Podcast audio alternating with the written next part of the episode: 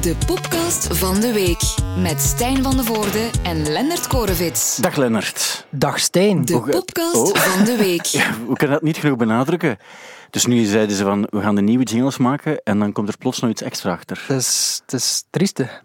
Goed, eh Lennart, mag ik jou... eh, eh, ja, het is gelukkig nieuwjaar ook Het is, voor jou. het is al even geleden. Ja, hè, sinds, normaal is het eh, heel vervelend als mensen dat in deze tijd... Nog, eh, mensen bedoelen dat goed, om gelukkig nieuwjaar maar te nu wensen. nog daarop terug te komen, want ja, dat is eigenlijk niet nodig.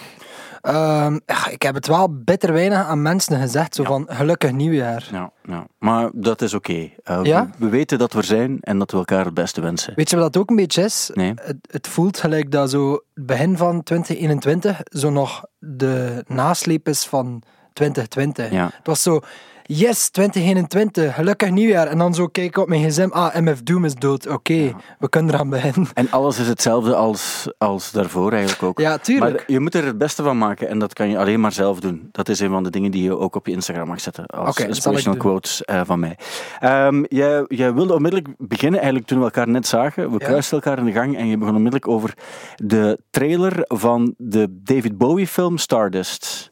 Het is misschien niet aan te raden voor mensen die... ehm, Is het nu Stardust of Starman? ik denk Stardust. Stardust? Ja. Want dat is ook een film die ik eh, ooit gezien heb met Ricky Gervais in, zo'n fantasy film. En die heet Ja? ook Stardust. Oké. En Starman is een nummer toch van David Ja. Bowie. Maar het is Maar, toch Stardust, oké? Ik vermoed echt dat ze de rechten op de naam Starman misschien ook niet hadden gekregen. Want ze hebben dus geen enkele rechten van geen enkel nummer voor de film gekregen. Dus ze moeten allemaal zo wat pastiche covers doen. Maar ik raad gewoon aan om even naar de trailer te kijken. Ja. Want ik weet niet wie dat er zei van...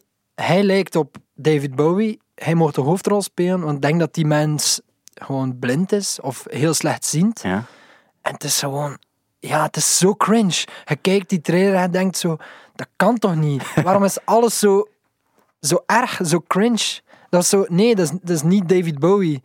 Is zo... Er is niets... En je probeert dan zo te zoeken van... Misschien in het accent of misschien in het stemgeluid, maar er zit zo niets, niets van raakvlakken. Het is Zo. gewoon een totaal andere dude. Wat, Ja. het, wat het ook wel eh, op, een, op een bepaald niveau interessant maakt dat het een totaal andere film over een andere mens is geworden. Ja, dat zou misschien beter geweest Probeer het zijn. positief te Ik probeer het positief te zijn, want het slaat op niets. Maar ik nu wel zeggen, de Queen-film en de Elton John-film, die vond ik allebei heel amusant en plezant om naar te kijken. Allebei. Allebei? Allebei. En zelfs het moment waarbij, ik weet niet, het was in de Elton John film, heb je zo eh, Saturday Night's Alright for Fighting.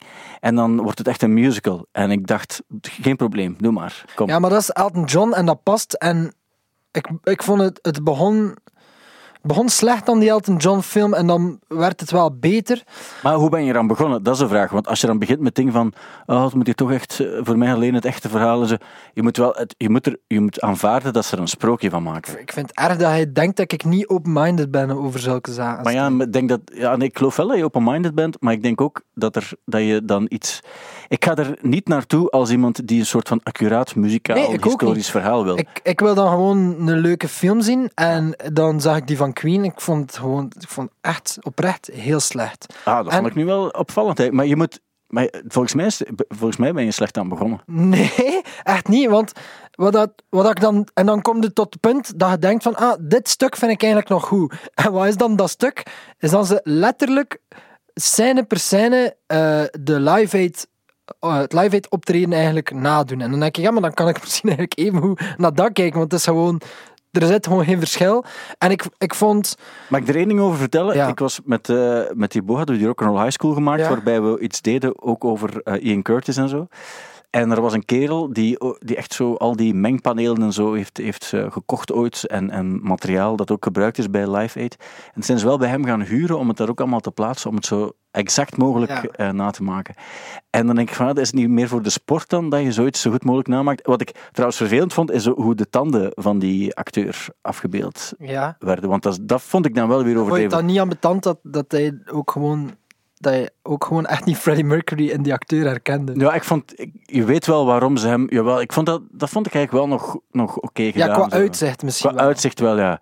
Maar het goed zijn andere mensen ook, dat is, dat is ook wel waar. Hij heeft er volgens mij zelfs een of andere Academy, Academy Award voor gewonnen. ook. Ja, en weet je wat, wat dat ook een groot probleem is? Is dat de versies van die nummers, lijkt ook bij Elton John, dan mijn favoriete nummers. En ik hoor die dan en ik denk zo, Ja. er is iets, ze maken dat toch op de een of andere manier gewoon Disney. en dat- ik weet niet wat ze doen. Ze zingen te goed. Ze, de productie, de arrangementen maken ze dan zo, ja, we gaan het beter doen. En ik, voor mij is gewoon elk spatje rock and roll is er zo wat uit, of elk spatje authenticiteit is er wat uit. Ja, maar ik vind het net bij die bands niet zo heel belangrijk dan. En heb je The Dirt gezien? Ja, En die vond ik ook die vond ik zeker? verschrikkelijk. Ah ja, maar voor mij is dat allemaal een beetje Maar, ja, dat vind, ik, dat, dat, is, dat vind ik een groot verschil. De Dirt was ook gewoon slecht gemaakt met die verschrikkelijke Machine Gun Kelly, die ze dan ook een of andere rol geven die hij niet verdient. Maar Trouwens, die, dat speelde, ook die speelde nog goed, vond ik. Trouw, ja, dat moet ik eigenlijk nog toegeven, die speelde nog vrij goed. Maar wat ik er ook niet tof aan vond, is dat zo, Mötley Crüe ten eerste is ook eigenlijk echt geen goede band. Dat is meer zo over het verhaal en zo, dat wel. Plus, heb je het boek gelezen ook? Nee. Want dat, is, dat boek is ook onzin. Ik heb het ook gelezen, maar ik geloof daar ook niets van. Op een bepaald ogenblik was van, we dronken zoveel en de flessen Jack Daniels eh, in ons kraakpand. Eh, maar we hadden geen geld om wc-papier te kopen, dus we deden met flyers van, de, van de Sunset Strip. En dan denk ik van, ja, het is niet zo dat je dan zoveel Jack Daniels kan kopen, maar er geen geld hebt voor een rol wc-papier van 0,4. Tuurlijk. Dus het, het hele verhaal van, van Mötley Crüe is eigenlijk, is eigenlijk onzin. Dus daarom vind ik het ook niet zo erg dat dat ook een soort van onzin documentaire is. Maar ik vind bij die andere bands, en wat ik zelfs nog goed kon verdragen, ik ga het, ik ga het ook onmiddellijk eerlijk zeggen, is die orkestrale versies met dan die andere kerel dat zong bij Elton John. Hè. Ik kon dat nog aan op een of andere manier. Ik vond dat nog niet eens, ondanks het feit dat mocht je het mij gewoon zo laten horen, zou ik zeggen... "Pff." Maar in die film dacht ik, nee, maar ik, ik stond er wel voor open van bij het begin. En dat is hetgeen waar jij de fout gemaakt hebt. Ja, maar het probleem is, als hij LSD pakt, dan staat hij gewoon open voor alles. En dan kan ik u eender wel laten zien en dan vindt het altijd goed. Klopt. Ik moet nog één ding vertellen dat ik al, al twee keer heb gedaan. Ken je eh Cirque du Soleil? Ja? Die hebben eh, een, ehm, ja, hoe moet je dat noemen? Zo'n showke gemaakt, eh, Love Ja. is de naam. En dat is dan rond de Beatles. En. Ze hebben dan ook een nieuwe soundtrack gemaakt daarvoor. Ehm, dat is eigenlijk gemaakt ook door de, de, de, de George Martin en zijn zoon hebben dan eigenlijk een soort van mashups gemaakt van Beatle-nummers. En dan hebben alle Beatles een toestemming ervoor gegeven ook en zo. En ik ben daarnaar gaan kijken ook zo en ik vond het eigenlijk, ik vond het eigenlijk, ik was mee. Maar ik weet dat hij eh, een paar jaar terug heb dat hij mij gezegd, dan moet ik naar die soundtrack luisteren. En ja, en, En, dan die- heb ik dat gedaan en vond ik ook wel... hebben die eh, While My Guitar Gently Weeps in de Love-versie is beter dan de originele versie. Op voorwaarde dat je strijkers aanvaardt Ja, in ja, dat soort ja. nummers. Want dan moet je niet gaan voor less is more en zo, want dat is more is more daar. Hè. En alles aan dat ding is more is more. Maar ik vond het fantastisch. Ik, ik weet zelf ooit dat... ehm, ik, de reden waarom ik eigenlijk heel graag eens wilde gaan kijken, is toen dat ding in, in première ging, want het is in zo'n een hotel in Las Vegas, is omdat ze vroegen aan Danger Mouse was zo het coolste muzikale ding dat je dit jaar hebt meegemaakt. En die zei toen Love in de Cirque du Soleil show. En dat, was, dat is ook zo, je zit dan in een... dat was een bevestiging voor uw smaak Nee, eigenlijk. nee, nee, Dan nee, want hij, nee, nee, hij had het eerst. Ik was toen nog niet Ah gaan kijken, want ik wist er nog niet zoveel van. En daar zit je in een zetel en dan in die zetel heb je aparte boxen. Dus het is niet zo dat er gewoon zo een tros hangt boven je hoofd. Ja, ja. Maar dus die klank was ook onwaarschijnlijk. En dan denk ik ook dat als je die muziek speelt, dat niet zoveel uitmaakt.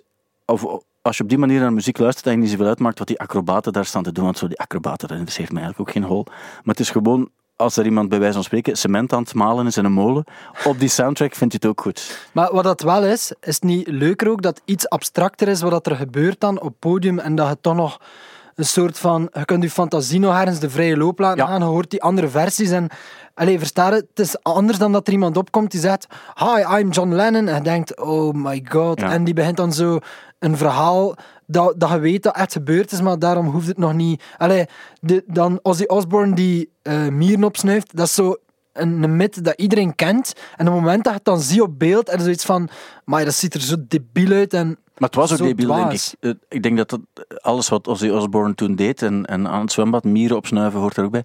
Dat was ook om, om te dwaast iets doen, denk ik. Hè? Dat Ja. was het concept toen ook wel. Ah, wel, ja. Maar ja, goed. En, ja, Maar toch is het nog, het is, het nog cooler als je het verhaal hoort, denk ik, dan dat je het dan ziet. Ja, en klopt. ook omdat die mensen waren er zelf niet bij, dus dan probeer je dat zo na te doen om te tonen. Ja, ik weet het niet. Er is iemand die zegt, ehm, en dat, dat beaam ik ook, maar ik kan nu niet op de titel van de film komen, van als je van plan bent om naar een biopic te kijken, dan moet je, of een te maken, dan moet je altijd eerst kijken naar een film. Maar ben nu, ik ga straks op de naam komen. Het is met John C. Reilly en het is een soort persiflage. Walk hard. Ja, walk hard. Ja. En eigenlijk is dat wel de goede oefening. Dat is natuurlijk ook heel goed. gemaakt. En, en grappig ook. Maar het is, het is een combinatie van van alles. Want je hebt dan zo... Zelf Jack Black speelt dan Paul McCartney. En Eddie Vedder zit er ook echt in. En ik weet dat... eh, is Elvis... Ja, Elvis wordt gespeeld door ehm, Jack White. Ja, ja, ja. Dus die, die muzikant zit er ook echt in. En eh, dat zorgt voor, op een bepaald ogenblik hebben ze ook een LSD-trip eh, die ze dan doen. En dat is eigenlijk ook heel goed gedaan. Maar dan verkoop je het ook anders. En verkoop je als we gaan lachen met bepaalde muziekverhalen. ja, maar ook wat dat... Goeie soundtrack Ja, heel goed, maar wat dat gewoon daar goed aan is, is dat ze, ze, ze lachen ook met de structuur van iedere biopic. En de moment dat je dat zo wat door hebt, Ja. dan kun je bijna niet meer serieus kijken naar zo'n biopic, omdat alles op dezelfde manier start. Zo, eh, ja, moeilijke jeugd en dan zo, zo heel de arc kun je dan zien. En tot aan het moment dat ze zeggen van, eh, ik heb vertrouwen in u. Niemand heeft vertrouwen in u, maar ik wel nog. Dus ga nu op dat podium en dan spelen ze natuurlijk hun Ja. beste show, waar dat dan de platenbonds in het publiek... Zo, al die dingen zitten er zo goed in en dan... Maar het is vaak ook echt zo, hè, want dat geloof Ja, ik wel. ook. Het stuk bij de Elton John film, waarbij ze de Troubadour zitten bijvoorbeeld. En, en dat is echt ook zo gegaan. Die, dat was zijn eerste concert ook in, in L.A. En hij heeft er gespeeld en, en iedereen was onder de indruk. En zo is het gegaan. En zo gaat het ook, ook wel echt eh, voor sommige artiesten, denk ik. Dus ik, ik, eh, ik snap wat je wil zeggen, maar ik ben toch mee. Ik vond, ik vond die leuker dan, dan Walk the Line bijvoorbeeld. Die ik dan eigenlijk heel vermoeiend vond om naar te kijken. Ja, oké, oké. Omdat ik dan daar zo de... Dan vond ik het een soort van verheerlijking en dan mag het ook nooit helemaal zijn. Ja, Maar, maar goed, ik denk ook dat het... ehm, ehm, maar we vechten dat straks uit op ja, de parking. hè. Sowieso, want eigenlijk ehm, was dit... Ik had een stukje voorbereid ook, met een aantal fragmenten ook. Dit staat helemaal nergens op. En we zijn ondertussen toch ook al een, een minuut of tien bezig. Maar dat is prima, want eh, daar moeten we over kunnen praten. Heb je het een beetje gevolgd, zo, de inauguratie van, eh, van Biden als de 46e president van de Verenigde Staten? Ik, ik heb een paar fragmenten gezien op. YouTube. Wel, daar wil ik straks ook iets van laten horen. Maar weet je ook wat een van de laatste prestaties was van eh, de grote president die ons ja, heeft verlaten nu en die veilig opgesloten zit op zijn resort in, eh, in Florida? Ik denk het wel. Ehm, hij heeft eh, hiervoor gezorgd. Het gaat over Trump voor alle duidelijkheid. Ken je hem? Ik, ik vermoed dat het... eh, het is niet Lil Wayne, want Nee. die heeft hij ook eh gepardoned. Ja. Maar hij heeft ook... Oh, hoe noemt die andere? Kodak Black. Kodak Black, ja. ja, Ja, ja. Kodak Black.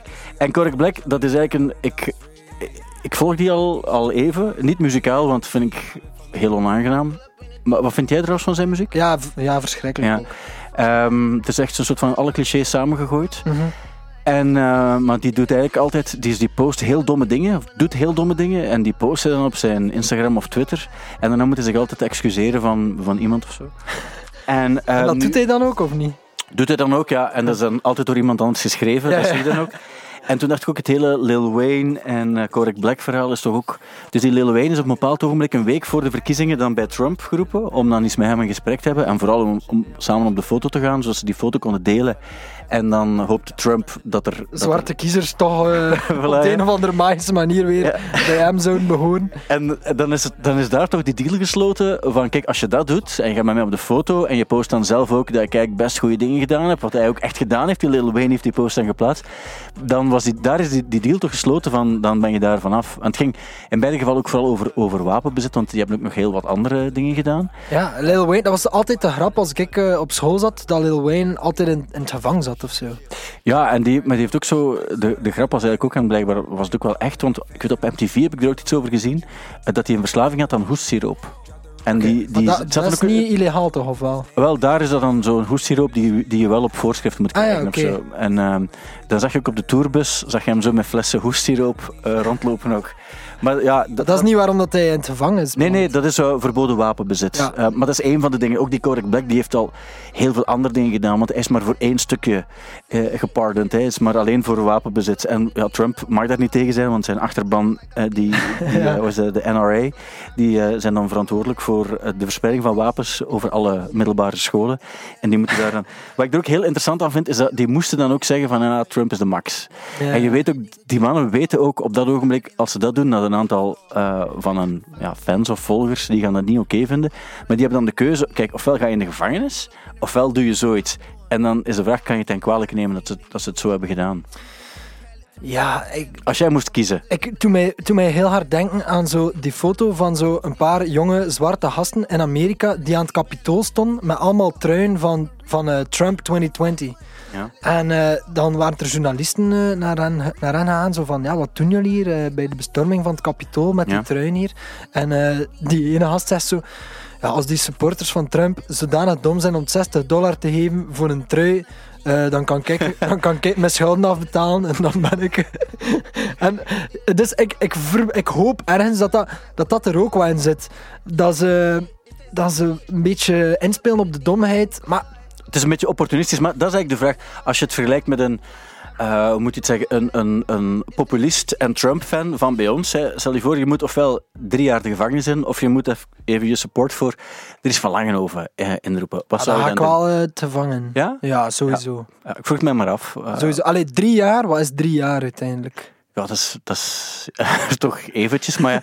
maar ik vroeg mij af, ja, het is, eh, ik, ik, ik snap het ook wel in, eh, in dit concrete geval. Ook, maar, mij wel ook denken aan het moment dat, dat Trump eh, een rapper ging op het podium roepen, maar dat is al even geleden, en dat hij zei, hier is Little Pimp. En dan zie je zo die vrouwen achter hem, zo, wie, wie, wie? dus hij moest zelf zo aflezen van een blaadje, zo, ah, rapper Little, Little Pimp. En dat was dus Lil Pump. Maar dan, Maar je hebt toch ook ehm, het, eh, het gegeven eh, wa- waarbij dus Trump, ja, iedereen die dan van muzikanten toch nog achter hem wilde staan, die, die moest erbij komen. En nu heb je het, het hele Ariel Pink ja, eh, verhaal, waar we het vorige week al een beetje over gehad hebben. Maar dus nu is hij gaan, gaan zeuren op, op Fox. Daar hebben ze hem uitgenodigd. Maar Ariel Pink, ik was er ook wel van ooit. Ik vond dat hij best goede platen had. Ik hoorde gisteren ook nog iemand eh, van de nieuwe, eh, nieuwe lichting, The Haunted Youth, die zei van, ah, goeie, ik heb, dit zijn goede bands waar ik veel naar luister. En die zei Ariel Pink er ook bij, wat ik ook helemaal snap, want die heeft gewoon echt heel goede, heel nummers gemaakt ook. Maar ja, nu, heeft, nu is hij in die band geslagen van de indie-wereld.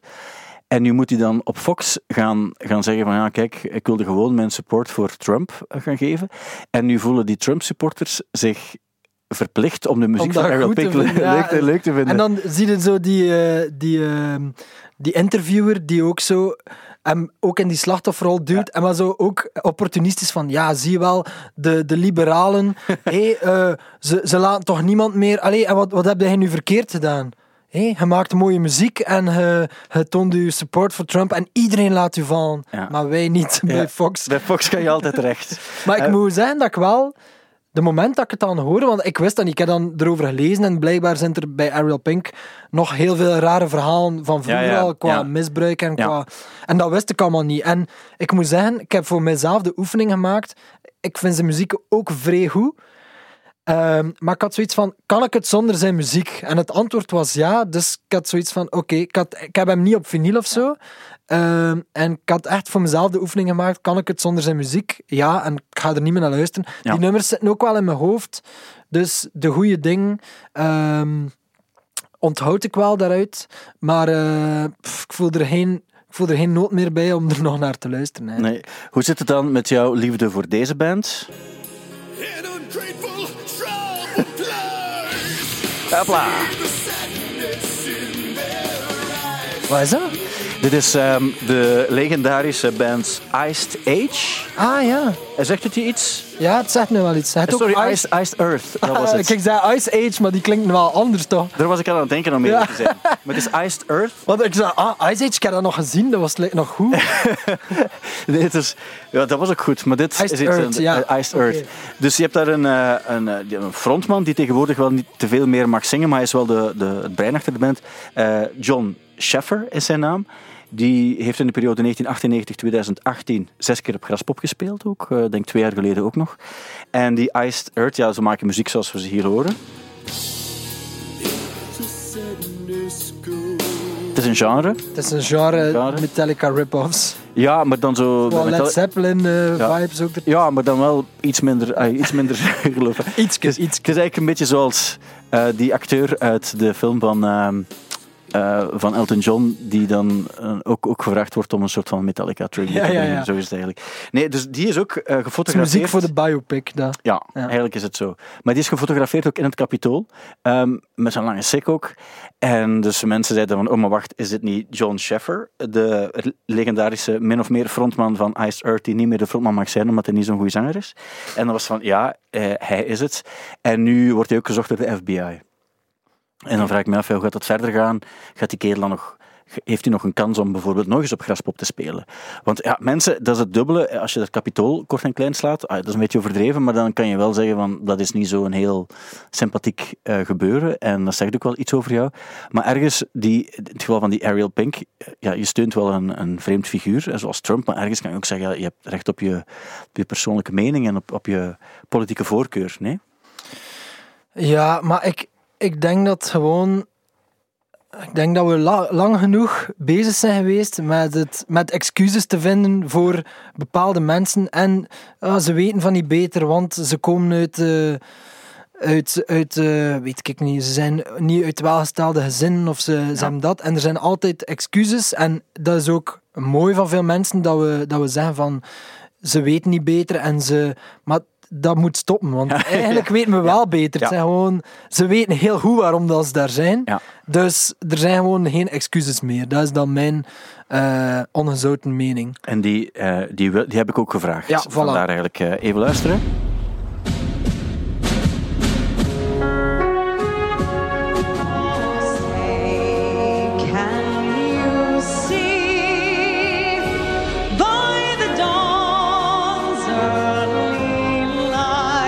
Dit is de Gangster, Lady Gaga. Gangster, ja. Eh, zoals we haar ook eh, beter kennen. Met het National Anthem op de inauguratie ook. Wat vond je ervan? Ehm, ik heb dat gezien en ik heb J-Lo gezien. Ja. En eh, ik vond eigenlijk ja, wel oké. Ik ook. Ik, had verwacht Ja. van, god, dat gaat zo saaie... Ik hoopte dat je dat ging zeggen ook, want ik, ik, ik, ik vond het ook. Ik vond dat ze... De, ze heeft live gezongen, eh, want Beyoncé heeft dat vier jaar geleden niet gedaan. Is? Eh, sorry, acht Ah. jaar geleden had Ja, gezegd. vier jaar geleden bij Trump. Trump Niet was er, live. was er denk ik één countryzanger aanwezig die dan iets mocht doen. Nee, maar ehm, Beyoncé heeft niet live gezongen. En ergens snapte ik Beyoncé ook wel, want je moet er maar staan. Ik was dat ook aan het denken als ik dat zag van, fuck, je moet dat maar doen. En dat, like J-Lo ook, dat was pitch perfect. dat en was ze- gewoon... dit- want ik wil het aan jou vragen, want het, iets was technisch... juist. Ze heeft toch echt gezongen, hè? Ze heeft live en- gezongen, hè? Allee, ja, tenzij dat autotune was, maar dan was het zo subtiel en ik denk het niet. Eh, ik wil haar dat voordeel van de twijfel gewoon geven, omdat bij Lady Gaga hoort het dat het gewoon echt is. En je weet Ja. ook... En dat was iemand die commentte van, je weet hoeveel zangeressen dat eigenlijk al heel hun leven dat nummer in de slaapkamer aan het oefenen zijn, totdat ze hopelijk ooit op een inauguratie of bij een voetbalwedstrijd mogen zingen. Dus ja, het is, dat is straf gezongen. En J-Lo was nog straffer. Dat was gewoon... Ja. Want we moeten eerlijk zijn, ze zingt straf op nummers die eigenlijk behoorlijk kut en saai zijn. Want eigenlijk is ik dat... vind dit nummer niet zo saai eigenlijk. Want ik, dat- ik ja. hoop altijd bij, bij Olympische Spelen bijvoorbeeld dat er een Amerikaan wint. Omdat het moment dat dat volkslied gespeeld wordt, ik vind dat eigenlijk, ik vind dat eigenlijk heel cool klinken. Ja? Natuurlijk, wat ik heel grappig vind, is ik ben ooit eens eh, heel lang geleden met Otto Jan naar een rodeo geweest in Texas. En ehm, in, Dallas, nee, in Fort Worth was het in Dallas. En dan laten ze er zo, op school is er altijd wel één meisje dat, dat kan zingen. En die mag dan daar gaan zingen, maar die is te zenuwachtig ook en die, die zingt het dan heel vals. Maar niemand zal ermee lachen. Die staan allemaal recht met een, met een, een, een hand op hun hart ook. En dan denk ik, je moet het daar maar gaan doen op die manier. Hè, om, Je hebt zo'n goede veel compilaties van de National Anthem. Kan dat iedereen aanraden op Ben YouTube? Gibbard van, Ja. van, eh van eh, Dead Cat for Cutie heeft dat ooit gedaan op een of andere baseballwedstrijd of zo. En dat is er vierkant naast, omdat dat is een goede zanger in zijn, in zijn ding. Maar niet om zoiets te gaan doen. Er is ook iemand, eh, er is nog een bekende... Flea op zijn bas, op zijn bas die bij de LA Lakers, dat staat op niets. Die moet dan een soort van national anthem op, op alleen een basgitaar. Maar is, ik denk, ik, heb ik het gevoel... Fergie heeft zij dat ook niet een Ah, keer ja, dat zou best kunnen. Ja, dat zijn zo allemaal die het geprobeerd hebben. En, die het gewoon niet kunnen. En dan moeten we wel... Ja, Lady Gaga, ze stond er, ze zag er goed uit. Ja. En ze had de, de, de coolste in-ears dat ik ooit heb gezien. Dus in-ears, eh, dat zijn de oortjes voor de, voor de zangers en de Ja. zangeressen. Bij mij zijn dat ook zo houden sparkle eh, eh, oortjes. Ja. Ehm, maar bij haar was dat zo een gouden in-ear en dan hing er zo een soort eh, oorring aan. Zo.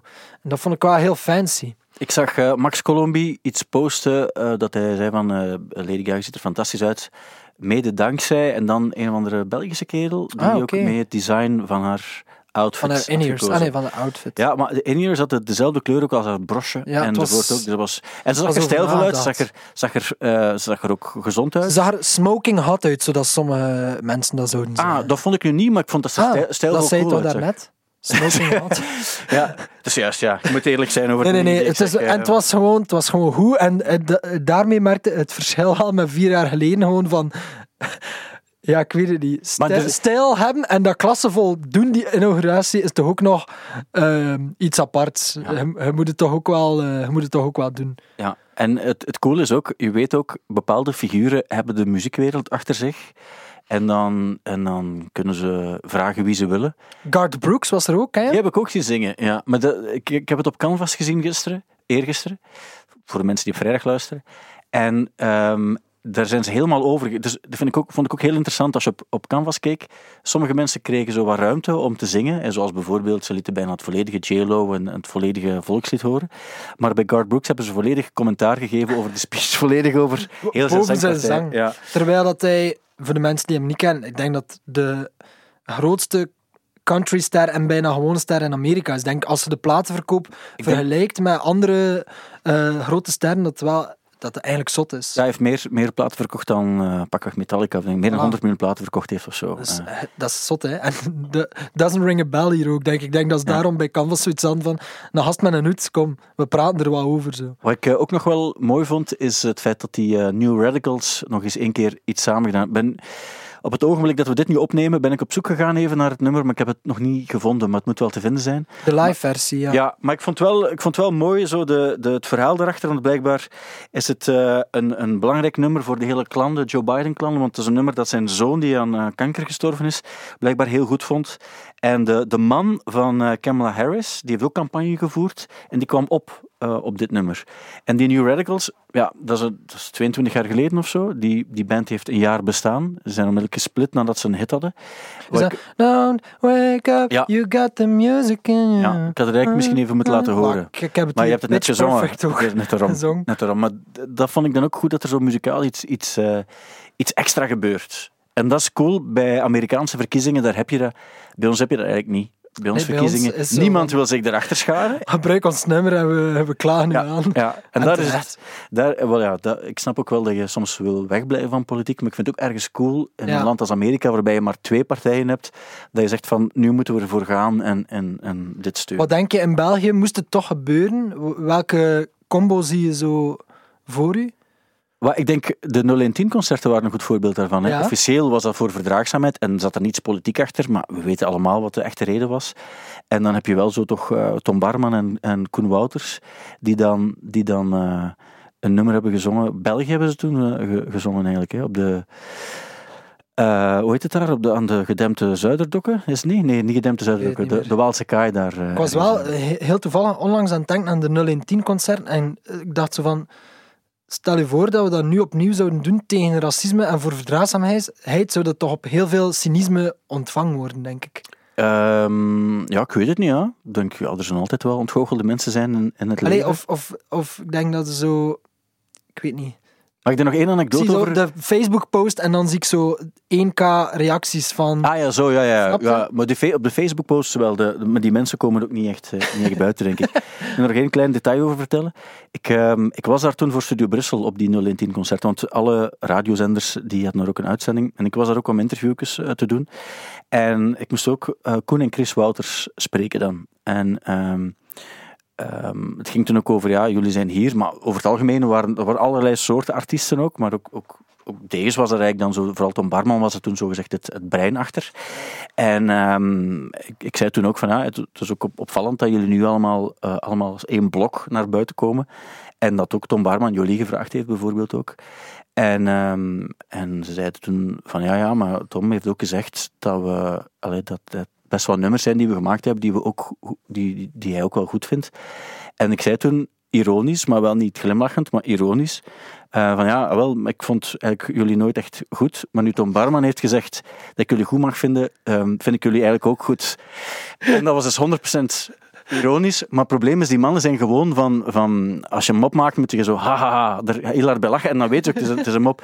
En ik weet nog heel goed dat er een interview in Humo was, waarbij Koen of Chris Wouters zei van ja, het is toch allemaal eh, zo vaak posen en er zijn heel veel hipsters, waar ik, waar- waarbij ik mezelf niet onmiddellijk tot die groep eh, reken trouwens, die eigenlijk stiekem onze muziek wel goed vinden. Ik zal ze als een voorbeeld geven. En dan vertelde die exact wat Die er toen is gebeurd. Oh nee, zo goed. Ja, ik moest daarom lachen.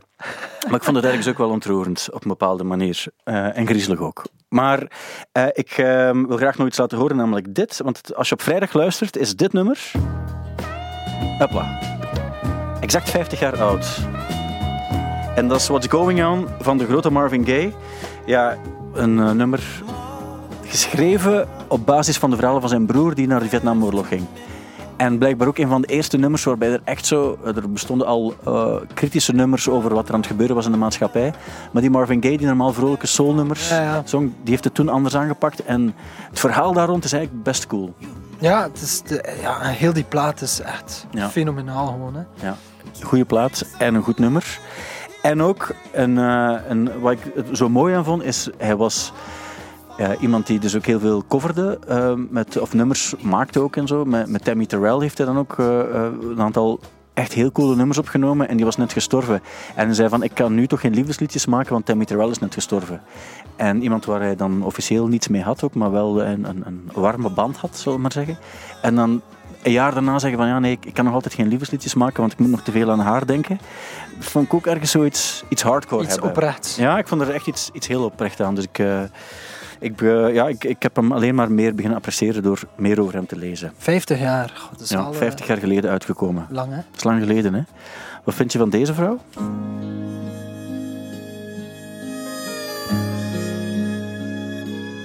Het was de intro, die had ik er misschien moeten afknippen. Dat is Dolly Parton. Ja. Met de originele versie van I Will Always Love You. Heb je die, ehm, die documentaire over haar toevallig al gezien op Netflix? Hoe, hoe heet ze? Goh. Ik weet het eigenlijk Ik heb alleen een. Christmas special of zoiets zien passeren. Ah ja, die heb ik ook gezien. Ja, dat was iets anders. Oké. Ja. Maar ik ben ehm, alleen maar meer fan geworden van haar. Ik heb ook zo'n een boek gekocht is, dat net, is, net uit is, waarbij ze over elk nummer vertelt. Ik ben eigenlijk niet zo fan van de muziek op zich eh, van haar, maar wel van haar als figuur. En hoe ze alles heeft aangepakt. Ja, ja, ja. Het is wel het is een badass woman. Like Ja. dus, eh, Ja, en, een, eh, en het is, ze, ze heeft heel veel nummers zelf geschreven ook, wat ik ook heel cool vind. Want in die tijd moest je vooral nummers zingen die mannen voor jou geschreven hadden. ja. Ehm, en ze heeft, ja, een, staat ook in het Guinness Book of Records voor de persoon die, hoe was het juist, in het meeste aantal decennia top 20 hits heeft gescoord. Ja. Ze draait al zo lang mee. En ze komt uit totale armoede. Je hebt zo het verhaal ook van eh, haar geboorte. De dokter is toen betaald met een, met een zak. Was het meel of zo? Eh, omdat ze geen geld hadden ook. En nu heeft ze zelfs een pretpark. Mijn moeder heeft dat ook geprobeerd, maar... In eh, West-Vlaanderen was het, was het wel nog normaal. Ja, ja, tot, wel, tot, tot de jaren 90. Maar ik vind het wel cool hoe ze, hoe ze haar leven vormgegeven heeft. En eh, haar volhardendheid en zo vind ik, vind ik wel cool. Ja, het is zo... Ik, ik heb het sowieso hier al aangeraden, maar eh, Tales of the Tourbus Ja. eh, is er een seizoen dat allemaal over country sterren gaat. En dat, zijn zo, dat is zo het genre waarvan dat je verwacht. Van, dat zijn allemaal zo... Ja, ik weet het niet. Rijke rednecks die zo op het lui had wat geld verdienen. Maar zeker zo in de jaren 60, 70, zo hadden daar figuren. Dat is meer rock and roll dan The Dirt of... eh, Ja. of eh, Elton John en al heel noop samen eigenlijk. En dat is echt straf. En zij is ook zo iemand, de dingen dat ze heeft meegemaakt zijn zo bijna niet te geloven soms. Hè. Ja, en ook zo, haar, haar man, die eigenlijk nog nooit iemand echt heeft gezien, op een aantal figuren na, die, ehm, ja, er, zij is er ook al zo 50 jaar mee samen of zo, wat dan in, in die wereld ook niet altijd zo evident is.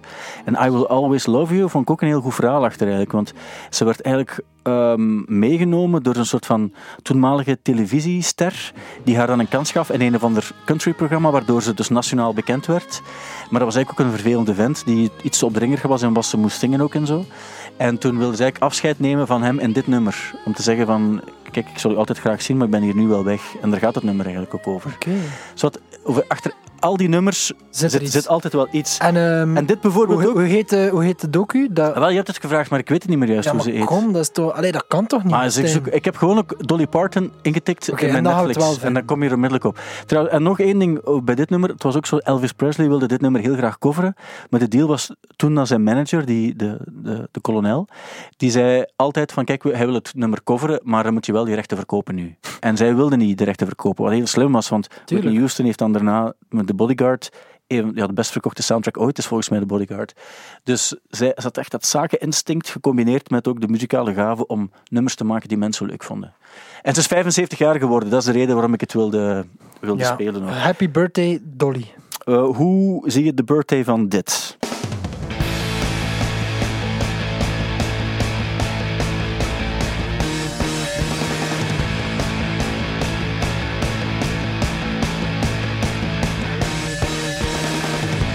Vond het, als ik het nummer voor het eerst hoorde, en ik weet nog waar en wanneer ik het gehoord heb, dacht ik van, ah, het is cool dat er zo een goede poppy ehm, gitaarband bestaat met een zekere coolness, die hopelijk ook opgepikt gaat worden door een heel breed publiek. En ik heb dat nogal bij bands. Bij, vaak gebeurt het niet, maar bij hen wel. Arctic Monkeys, een debuutplaat, is 15 jaar oud dit weekend. Ja, Had, had je daar ooit iets mee? het is heel grappig, want gisteren werd ik gebeld door eh, Radio 1. En ehm, ze vroegen van, kijk uh, Lennart, eh, de plaat van Arctic Monkeys, de eerste, wordt 15 jaar. We zijn eigenlijk op zoek naar eh, muzikanten, twintigers, die, ja, waarvoor dat dan grote inspiratie is geweest toen dat, dat uitkwam. En die, die eerste plaat, hey, dat dat veel heeft betekend. En ik heb direct moeten zeggen van, denk dat je echt bij de verkeerde er persoon bent. Nee, en ehm allee, niets mee. Het is, pas, het is pas later gekomen. Ik weet wel dat ik de, de tweede plaats, eh, Your Favorite eh, Worst Night- Nightmare Ja, of zoiets, mhm. ehm, daar was ik wel heel hard van. van. En dat was zo, ik herinner mij het eerste nummer van Arctic Monkeys stond, dat ik goed vond, stond op die plaat. En dat is de, met die clip met die clowns. Ehm, ja. ik weet al niet meer hoe Ja, maar ik weet ook wel dat je het hebt. Ja. En, Want ze hebben eh, toen ook nog, daarna in een, in een tv-show hebben ze ook gespeeld met zo'n Ja, clownpak ja, ja, aan. ja, eh. En dat, dat is het eerste moment van Arctic Monkeys dat ik mij herinner en dat ik, dat ik goed vond. En ehm, die eerste plaat is pas later dan tot mij gekomen. En nu nog altijd heb ik het gevoel van... Ik, moest erbij geweest zijn op het juiste moment, want het doet mij nog altijd niet zoveel. Behalve een paar nummers, From the Ritz to the Rubble bijvoorbeeld, vind ik heel goed. En het zijn een paar nummers dat ik, dat ik wel heel tof vind. Maar... ehm, ja, het doet mij Ja. niet, niet zoveel. Terwijl dat toen was ik wel zo, ja, Franz Ferdinand en zo, eh, want dat was zo wat de revival van de, Mhm. de, ja, de indie, indie rock eigenlijk. Ja. En de Strokes, zo, daar was ik eigenlijk wel grote fan van. Dus ik kan het ook niet uitleggen hoe dat komt. Nee, dat is, dat is wel waar, want ik, ehm, ik weet het nog. Ik, ik, ik las toen ook heel vaak zo Enemy en zo, hè, die, die muziekbladjes die je dan eigenlijk overal ook wel kon vinden. En eh, zo de opbouw naar die plaat vond ik fantastisch. En ik weet toen ik ze dan voor het eerst heb gezien in de botaniek. ehm, en ze kwamen op zo met, ehm, met Warren G, wat ik ook wel fantastisch vond, want normaal zo'n gitaarband moet dan. En dan, ehm, ja, dat was niet. Ze, ze stonden toen allesbehalve bekend als een energieke band in, in présence, want dat was ook helemaal niet. Maar het klonk wel heel cool en ze deden ook geen moeite om zo clap your hands en, en Eh, dat soort maar ik denk dat like, alles wat hij zegt, Dat was, heel, dat was heel cool. En die teksten die waren eigenlijk nog super jong op dat ogenblik. Dat waren echt super jonge gasten. Maar het klonk goed en die teksten waren goed. En die hadden een bepaalde juiste coolness. Ja, ik vond dat eigenlijk op dat ogenblik was ik heel blij dat er zo weer iets, was. Ja. Want de Strokes vond ik ook heel tof. En, en al die andere bands ook. Maar dit was zo toch nog... Ik vond echt nog iets anders. Maar ik denk dat je, wat dat je zegt, doordat hij ook al, hoe oud, 82 zei het nu, Ja. dat je dat ook echt bewust hebt meegemaakt. Ja. Eh, en die opbouw er naartoe, want ik kan dat wel lezen van, het is het snelst verkopende debuut, of Ja. het is via MySpace dat dat gegaan. was ook zo. Maar als ik dat niet bewust heb meegemaakt, is dat zo moeilijk. Wat dat raar is. En nee, ik- dat snap ik. Ik snap dat ook wel. Dat is net de reden waarom ik zo bepaalde bands ook eh, nooit interessant ga vinden. Ondanks het feit dat ik wel snap. Dat is het hele krachtwerkgedoe bijvoorbeeld Ja, ook. ja. Ik heb dat niet meegemaakt, dus ik vind daar nu, als ik dat vanuit, vanuit het latere perspectief bekijk, denk ik van ja, dat is wat gerommel met synths. En ik snap wel dat dat baanbrekend werk was ook en zo. Maar nu, als ik nu dat doet mij niets. Maar ik snap het wel. En ik denk dat dat, dat, dat bij heel veel muziek zo is. Heel veel, Wat is dat? 2006 of welk jaar is wat, dat? 2000, 2006 is de, de, plaat ook, eh, is de plaat ook uitgekomen. Ah, wel, 2005 is eigenlijk de I Bet You Look Good on the Dance Floor single uitgekomen. Maar de, het album is 2006. En wat daar raar is, want ik weet dan ook niet dat dat komt, maar bijvoorbeeld Radiohead in Rainbows, zo heel de anticipatie daarop en zo, Ja. dat je mocht betalen wat je wou, dat heb ik dan wel heel bewust meegemaakt. Ja. Dus ik snap ook niet hoe, ehm, hoe dat komt. Misschien was ik echt op dat moment van Arctic Monkeys met te veel met andere dingen bezig, met Lego Het- of Het zou best kunnen. En Lego Technics misschien dan Lego. Technics, ja. Lego Technics. Ehm, ik wil eh, graag nog eh, even praten over iets wat eh, een gemeenschappelijke kennis of vriend van ons misschien wel pijn zal gedaan hebben. Het gaat hierover. Het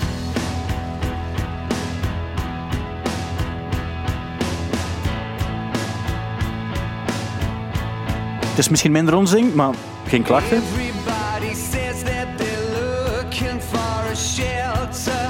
Got a lot to give, but I don't know how to help her. Het is uit 2003, geloof ik. eh, Maar het duurde even. maar je weet over wie het gaat. Het gaat over de band Star Sailor. Star Sailor, ja. Dit, het nummer Silence is Easy. Ja. Ehm, weet je waarom ik dit nu speel? Ehm, ja, omdat er eigenlijk... ehm, er is een soort drama ontstaan eigenlijk binnen de... Eh, ja, ook, Binnen de... bin- binnen de... Ja, binnen de media. ja, Een storm. ja, maar daar, daar gaan we het duidelijk over hebben. is dat niet de reden Dat is niet de reden eigenlijk. Je- weet dat er een belangrijke producer is gestorven, Phil Spector. Ja. Dit is het, laatste nummer dat hij heeft geproduceerd. Is het echt waar? Ja, ja. Maar. Het gaat over Star Sailor. Ehm, maar het gaat eigenlijk over, over iets anders. Hè. Dus, eh, Ja, ik dacht echt dat het daarop doelde. Nee, nee, om, om, om het kort samen te vatten. Dus je hebt eh, een gewaardeerde podcast opgenomen eh, toen ik in een tijdje geleden... Waar, was, waar zat ik officieel toen? In Ibiza, denk in ik. Ibiza, ja. Ehm, nee, dan heb je met Joris Hessels een podcast opgenomen, die eigenlijk een heel grote Star Sailor fan was. En hij schaamt zich daarvoor op, op een of andere manier. Wat eigenlijk niet nodig is, want die hebben een paar... eh, ik, eh, eh, die Four to the Floor vond ik eigenlijk een best Ja, goed ik denk niet dat hij er zich voor schaamde, maar ik denk de moment dat hij het uitsprak tegen mij en mijn reactie zag, dat hij zich er dan eens voor begint schamen. Ja, wat je nooit mag doen, hè. Nee, maar ik heb ook niet gelachen of zo. Maar Nee. ik, omdat hij, het is een grappige persoon, hij vertelt vaak moppen. Dus ik Ja. we gingen uit de veronderstelling dat het een mop was. Ja. Maar hey, ik denk dat hij ieder concert dat ze in België hebben gespeeld al gezien heeft. Want hij heeft zelf ook blijkbaar, en dat wist ik dan helemaal niet, want ik, ik sprak hem dan aan in de gang onlangs, van ah, ben je Ja. om over Star Sailor te praten ook of zo. En ik zag onmiddellijk aan zijn gezicht dat hij zich schaamde, wat dus niet mag. Maar hij vertelde dan dat zijn eerste mailadres starsailortje04.hotmail.com was. En dan denk ik van, ah, dat is dan nogal een stapje verder wel. Dan ben je echt hardcore fan ja. eh, geweest, wat dan ook misschien niet helemaal Maar raar is met die band, misschien is dat gewoon een ding ook, dat dat bij Ja. die band dan is zo. Maar eh, dus ja, hij heeft mij daar terug over gecontacteerd en hij zei van, als ze nog één keer eh, mijn geheimprijs heeft aan derden, Ja. dan eh, zal er bloed vloeien en eh, ik heb mijn excuses aangeboden. Voilà. En op die manier was het ook helemaal opgelost. Maar goed, het is eh, een van de laatste nummers geweest die hij heeft geproduceerd. Dus Star Sailor had dan hem gevraagd, zie je het zitten om, om ons album te produceren? Hij heeft ja gezegd. Maar uiteindelijk, ja, die was toen totaal coco loco. En hij, is toen, heeft twee nummers geproduceerd van die plaat, waar, waarvan dit een van de twee is. Is hij terug naar L.A. gegaan. Ik denk dat hij dan dus die actrice vermoord heeft. Dan is hij teruggekomen. Ja, ja, het is juist, het is En 2003, ja. Het is 2003. In dat jaar heeft hij die plaat gemaakt ook. En iedereen weet natuurlijk ook ja, hij heeft, eh, wat hij gedaan heeft eh, met de Beatles, een klein stukje. Met de, de Beatles solo, dan ook eh, de Crystals, de Ronettes. Enzovoort ook. En, en ja, ik heb over die, die Ronnie Spector dan ook een beetje gevolgd zo, van, eh, van de Ronettes. Die ook vertelde van ja, het is eigenlijk opvallend dat iemand die mensen zo vrolijk heeft gemaakt met, met heel mooie popmuziek. En ja, Brian Wilson tot waanzin heeft gedreven, om, omdat zijn productiemethodes zo geniaal waren, dat iemand voor zijn eigen omgeving zo verschrikkelijk was. En zo, zo gaat dat soms. Hè? Het was wel de moeite om te zien hoe dat, eh, de, de media zich in bochten aan het wringen was om te, na te denken over hoe dan ze moesten schrijven over Phil Spector. Het was echt ongezien. Het Ja. was zo, de titels waren gewoon super lang zo. Ja. Zo, een genie, maar zo, hij heeft ook mensen vermoord. We praten het niet goed, maar hij heeft wel dit gedaan zo. En, ehm, Dat is vaak zo pop genius en convicted murderer, Ja. zag je op de muziekblogs. maar en, ja, eh, ja, ik, ja, ik snap het ook wel. Maar ehm, Het is net hetzelfde weer als je, wat je daarnet zei ook, hè, over de, de, de Lil Wayne-achtige toestand ook. Is van, ehm, of, of nee, het ging over Ariel Pink dan. Wat, wat ga je doen? Zo, als je dat weet, kan je dan nog luisteren naar Imagine?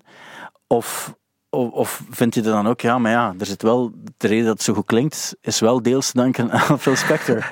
Maar wat dat, wat dat, en dat vond ik wel goed. Ik moest denken aan, eigenlijk zijn de mensen die, die zeggen van, ja, maar eh je zit eigenlijk niet goed bezig, want je mocht Michael Jackson niet meer draaien, Ja, ja, of. Phil Spector. Dat zijn vaak ook dezelfde mensen die true crime podcasts of zo verslinden. Ja. maar dat is zo. En dan denk ik, ja, maar wat gebeurt er daarin? Dat is gewoon het verheerlijken van seriemoordenaars. En die hebben dan nog geen goede muziek gemaakt. Ja. Dus dat is zo... Allee, er is een film met Zac Efron die eh, Ted Bundy speelt. Ja.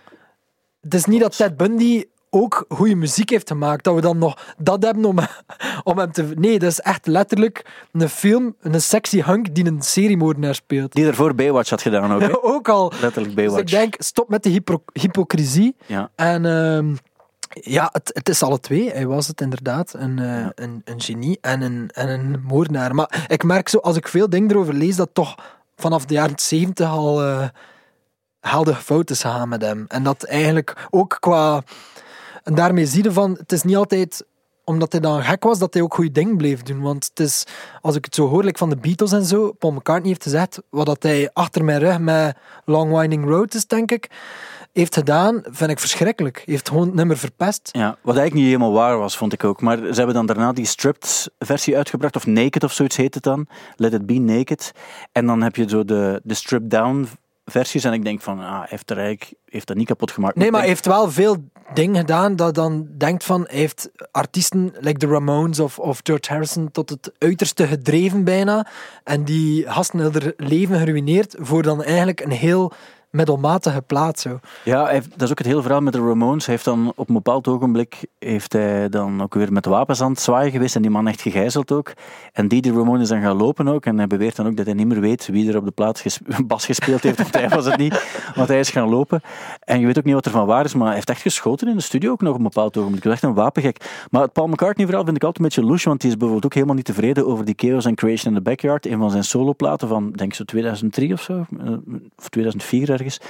En ehm, Nigel Godrich heeft die productie gedaan en heeft dan zelf een eigen mix gemaakt die eigenlijk echt op niets trekt. Ah ja. Dus ik vind soms, eh, Paul McCartney, eh, ik ben uiteraard een mega grote fan, ehm, maar niet als het daarover gaat. Heb je al de Paul McCartney 3 gehoord? Absoluut. En, want ik heb, die is uitgekomen tijdens die warmste week. En dat is eh, ehm, misschien daarom ook. Ik heb eigenlijk al mijn vrije tijd tijdens die warmste week, dat wil zeggen, s ochtends, als ik opstond of als ik in de douche stond of zo, heb ik altijd geluisterd ook. En het begon altijd met het eerste nummer, met zo dat instrumentaal gitaartje.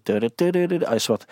En ehm, ik ben toen ook zelf in, de, een platenwinkel daar dan het album gaan halen ook en zo. Dus ik heb er al eigenlijk heel veel naar geluisterd. Het is toch wel, dat is zo'n moment dat je denkt van, ja, allee, het is toch maar één iemand die dat kan op die leeftijd. Want, en en allee, alleen dat- ook, hè? dat is het verhaal ook dat hij het echt en- alleen heeft maar hoe gemaakt. klinkt dat? Dat is toch Ja. ongelooflijk eigenlijk. Ja, ik vond dat ook. Ik was heel blij met die plaat ook, want ik was minder fan van de vorige dingen. De, de vorige twee vond ik zo die Egyptian Station. Ja, ja, ja. Vond ik niet zo heel boeiend zo. En heeft er nog een paar gemaakt waar, waar ik bij dacht van ja, dat hoeft niet zo. Terwijl ik zijn jaren 90, begin 2000 periode wel heel goed vond. Vooral die, die Chaos and Creation in the Backyard vind ik een onwaarschijnlijk goede plaat.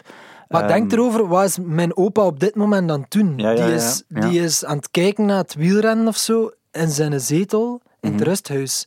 Ondertussen heeft Paul McCartney misschien alweer een album neergepend of zo. Ja, het is, eh, het is, het is helemaal waar. Ik, ehm, ik, ik, ben, ik ben en blijf grote Paul McCartney fan. Wel, ik ook. Ik had zo die Lego-doos gekregen. Eh, en die, Die eh, Technics. nee, zo'n Lego-doos. Lego heeft samen met de Beatles Ah, ja, de hoofden en zo. de hoofden gemaakt. En je moet dan één hoofd kiezen. En ik had dan, eh, ik dacht van, nou, ik ga Paul McCartney nemen, omdat je moet dan officieel. Allee, de, de volgorde van de Beatles is eigenlijk van wie je cool moet vinden, zeggen ze altijd eerst eh, John Lennon. Dan daarna eigenlijk komt op tweede plaats George Harrison. Dan pas Paul McCartney en dan op vier Ringo Starr. Terwijl in Amerika is het omgekeerd. Dan staat Ringo Starr op één. Omdat, ze, omdat het eigenlijk een soort van ja, showman of zo. En Ja, ze hebben het heel graag. Maar bij mij is dat niet zo, want ik denk dat hij, hij de man is die eh, Paul McCartney dan, die iedereen heeft samengehouden ook. En die ervoor gezorgd heeft ook dat de, de, de, de kleffe nummers goed afgewisseld werden met zo de helter-skelter-achtige Ah, toestanden. wel, want dat is het ding. Als, als iemand denkt aan wie heeft de coolste nummers van de Beatles geschreven, dan denken ze altijd John Lennon. Ja. Maar het is... Allee, Helter Skelter is een goed voorbeeld. Of, van, of zelfs solo, zo Temporary Secretary. Ja. Ik hoor dat John Lennon echt niet doen eigenlijk. En Nee. Maar dus zo de, perceptie is een, beetje, Ja. is een beetje verkeerd vaak van eh, Paul McCartney, denk ik. Het is waar. En als we dan toch weer bij hetzelfde ding zitten van ja, goh, de persoon en de muziek, hij heeft zijn vrouw ook geslagen. Eh, John Paul Lennon. McCartney? Ja, ja, oké. Paul McCartney niet. Paul Dus- McCartney was toch de, de braafste, denk ik, hè? of niet? Maar ik denk dat hij wel zo, en dat, dat is nog altijd wel zo, hij is wel de gehaaide zakenman, denk ik ook wel. Ja. Die exact weet wat hij doet en waarom en super berekend nu ook. En ik denk dat hij vroeger ook wel was. Maar ik denk als je dat instinct kan combineren met een, een soort van creativiteit, dan wordt het toch wel, dan, dat heb je nodig. Ik denk dat alle grote figuren, hoe showvol ze zich ook voordoen, ehm, die, die hebben altijd een soort van ehm, eh, ja, credibility, muzikaal inzicht, creativiteit gecombineerd met een zakeninstinct. Want anders weet je niet hoe je je muziek aan de oppervlakte krijgt. Of je hebt een onwaarschijnlijke manager die dat voor jou doet. Maar het is vaak toch een combinatie van Ja, de twee. maar ik vind ook gewoon hem als, als persoonlijk, als ze dan zo... Zijn leven is zo gewoon van... Heeft Linda dan leren kennen? En dan was het zo... Dat was zo een warm gezin zo. En dat is zowel verfrissend in de, in de pop- en de rockmuziek. Allee, achter scherm, ik weet natuurlijk niet hoe, hoe waar dat, dat is, maar er is zo altijd iets charmants aan hem dat ik gevonden heb. Is dat hij gewoon ook... Die hadden samen ook een band, hé, met Wings en zo. En Ja. eh, ik vind het verhaal... ehm, mooi of zo. Ja, nee, dat is eh, absoluut waar. Er is een heel goed boek gemaakt ook voor hem, heb ik misschien ooit al eens verteld, over de periode na de Beatles, net na de, de Beatles. En ehm, dan zie je ook dat hij echt, die heeft van alles meegemaakt. En Ja. Die, die zat echt zo in een of andere boerderij ergens in, in, in Schotland.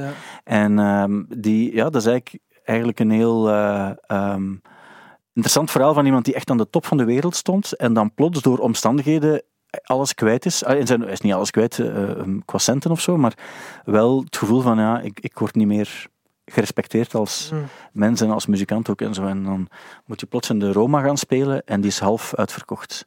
Allee, half verkocht, niet uitverkocht. Ja. En dan, Dan zo, dat kunnen kunnen we ook- ons ook niet voorstellen dat al de kranten dan zo, hij is dan een maand weg en dan is zo, en al de krant staat dan, ja, Paul McCartney is dood. ja, ja. Is zo, wow. wat niet helemaal waar is. We zitten ondertussen al, al een eind ver, maar er is nog één ding wat ik met jou moet bespreken. Doe het. Ehm, het gaat eigenlijk hierover en ik wil je graag jouw mening weten. Dit is de Soulwax remix van A Hero's Death. Ah ja, ik heb het zien passeren, maar ik heb het nog niet gehoord. Ah, oké.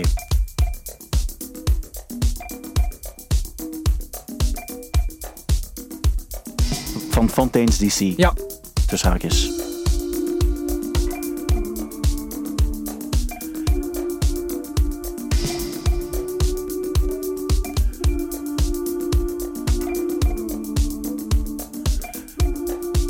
Je kent het origineel, hè? Ja. Ja.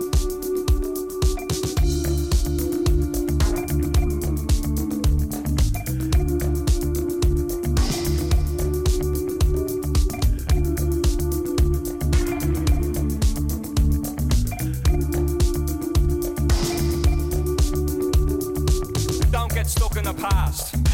Say your favorite things at mass. Tell your mother that you love her. I go out of your way for others. Sit beneath the light that suits you and look forward to a brighter future. Life ain't always empty. Life ain't always empty. Life ain't always empty. Life ain't always empty. Eerste indruk. Fantastisch. Ja. Maar wat maakt het fantastisch? Is het ook niet vooral de stem? Of is het ook al de rest? Ja, het, het, het marcheert. Als ik het zag, van, dan dacht ik al van, ah ja, dat gaat goed marcheren, omdat Ja. dat zo... Hebt zo dat... dat Vocal- die vocal is die heel cool, Ja, die vuile vocal zo wat. En ehm, ja, de combinatie met die, met die sound... Ja, die hebben zo de, het laatste jaar heel veel remixen gedaan, dus ik volg dat heel hard, omdat ik dat... En dat is allemaal een beetje volgens dezelfde formule. Ja. En toch, inderdaad, de vocal zorgt dan dat dat iedere keer iets, iets anders wordt of zo.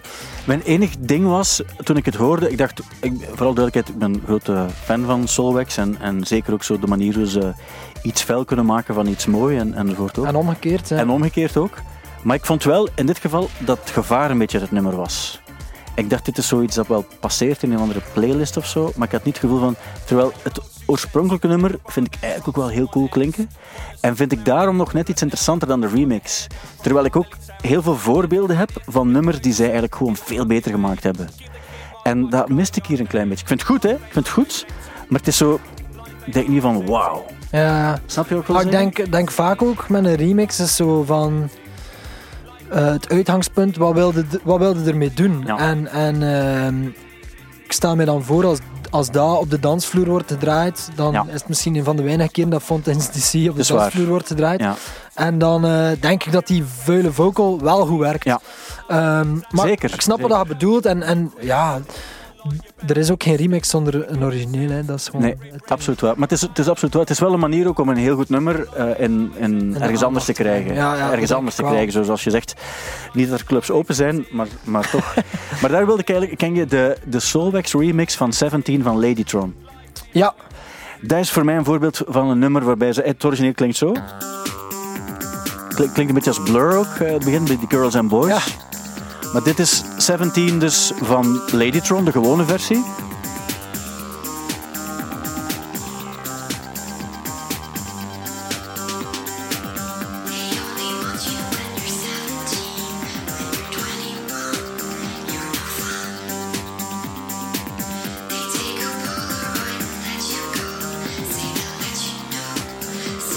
tof nummer. Sowieso van een jaar of twintig geleden, denk ik. En dan, wat zij ermee gedaan hebben, toen dacht ik van, nu hebben, ze, nu hebben zij er wel het gevaar in gestopt, in dat nummer. En misschien, als je het goed vindt, zouden we daar eens naar kunnen luisteren als, als laatste nummer. ja zeker. Met, eh, met eh, veel plezier. Oké, dan eh, stel ik voor dat we, dat we dat gaan doen. Ehm, ik had nog heel veel andere dingen op mijn blad staan Ja, deze week. Maar voordat je, voordat je het weet, ben je een uur bezig. Hoe komt dat nu? Ja, ik weet het niet. Het, het was, er was gewoon veel te vertellen. Het was ook lang geleden dat we eens een, een Ja, podcast hadden opgenomen, denk ik. Misschien heeft Het is, het het is allemaal het schuld van die fucking rip-off David Bowie. Nee, het, is, het was goed dat we dat ook behandeld hebben. Eh, dat zeker wel. Maar oké, we gaan luisteren naar, dus de, naar 17 van Ladytron, maar in de onwaarschijnlijk... Ik vind het eigenlijk, denk ik, mijn, mijn beste remix die ik ken. Oké. Op een bepaalde manier. Genoteerd. Oké, dus hier komt hij dan. Ik denk ook dat het eh, David is die de gitaar speelt hier, neem ik aan. Wat eigenlijk ook een heel goede gitarist is. Hè? Ja, zeker. Het zijn ook eh, opnieuw allebei vader geworden. Is waar? Beide, beide. ja. Ik denk een paar, paar weken geleden of zo. Ik volg de muziek, maar eh, de boekjes, dat volg ik niet zo. Nee. Oké, het is begonnen.